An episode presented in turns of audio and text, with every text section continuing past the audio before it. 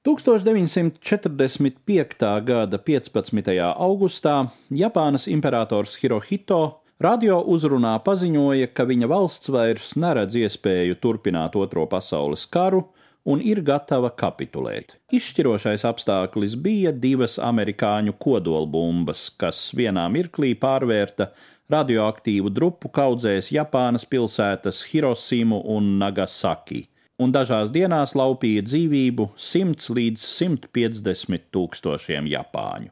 1945. gada 2. septembra rītā uz Tokio līcī noenkurotā amerikāņu līnija kuģa Misūrī klāja kāpa desmit vīru delegācija, lai imperatora vārdā parakstītu savas valsts kapitulācijas aktu.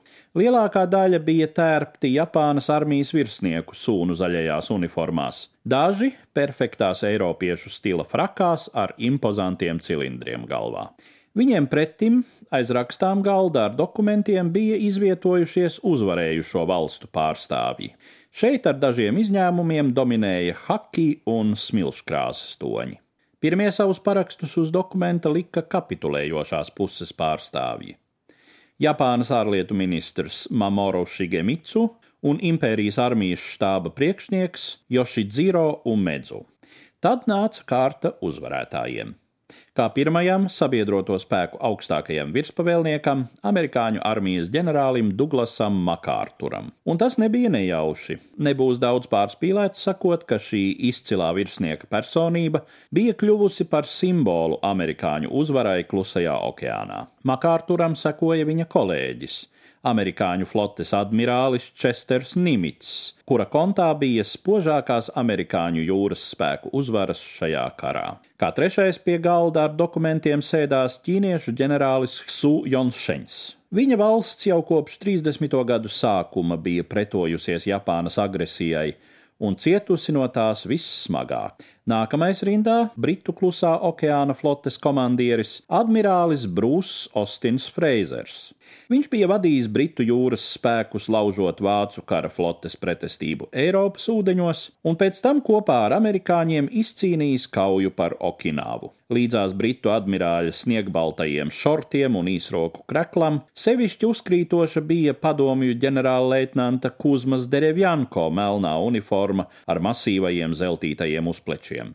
Eiropā, kur ģenerālis bija izcīnījis otrā pasaules kara kaujas, padomju armija spēlēja pirmo violi, bet šeit Āzijā viss bija otrādi.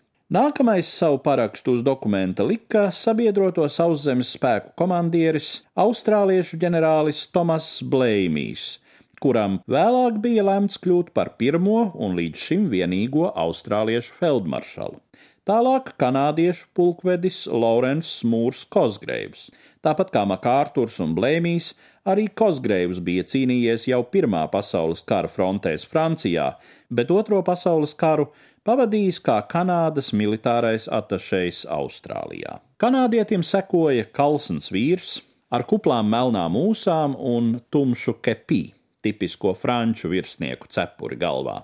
Ģenerālis Žaks Filips Leclerc de Otkloks. Viņa senči Otklokas grāfi bija cīnījušies par Francijas karaļiem vēl 13. gadsimta krusta karos, vēlāk simtgadu karā un Napoleona lielajā armijā, Viņš pats 1940. gadā bija pievienojies De Gaulle vadītajiem brīvās Francijas spēkiem, un 1944 līdz ar savu otro bruņu tanku divīziju iemaršējis atbrīvotajā Parīzē. Leklēram līdzās parakstītāju rindā omulīga izskata vīrs, hakija krāsas kreklā, bet ar baltu jūrnieka cepuri galvā. Nīderlandes karalisko jūras spēku admirāļu leitnants Konrāds Helfrichs. Viņa vadībā nelielie nīderlandiešu jūras spēki 1942. gada sākumā bija sīksti pretojušies Japāņu pārspēkam. Visbeidzot, kā pēdējais savu parakstu uz Japānas kapitulācijas akta lika Jaunzēlandes pārstāvis - gaisa spēku vicemaršals Leonards Monks Izits. Līdz ar to arī Otrais pasaules karš, kas tieši sešus gadus un vienu dienu agrāk bija uzliesmojis tālajā Eiropā, noslēdzās šeit, Tokio līcī, 1945. gada 2. septembrī, pulksten 9 un 22 minūtēs. stāstīja Eduards Liniņš.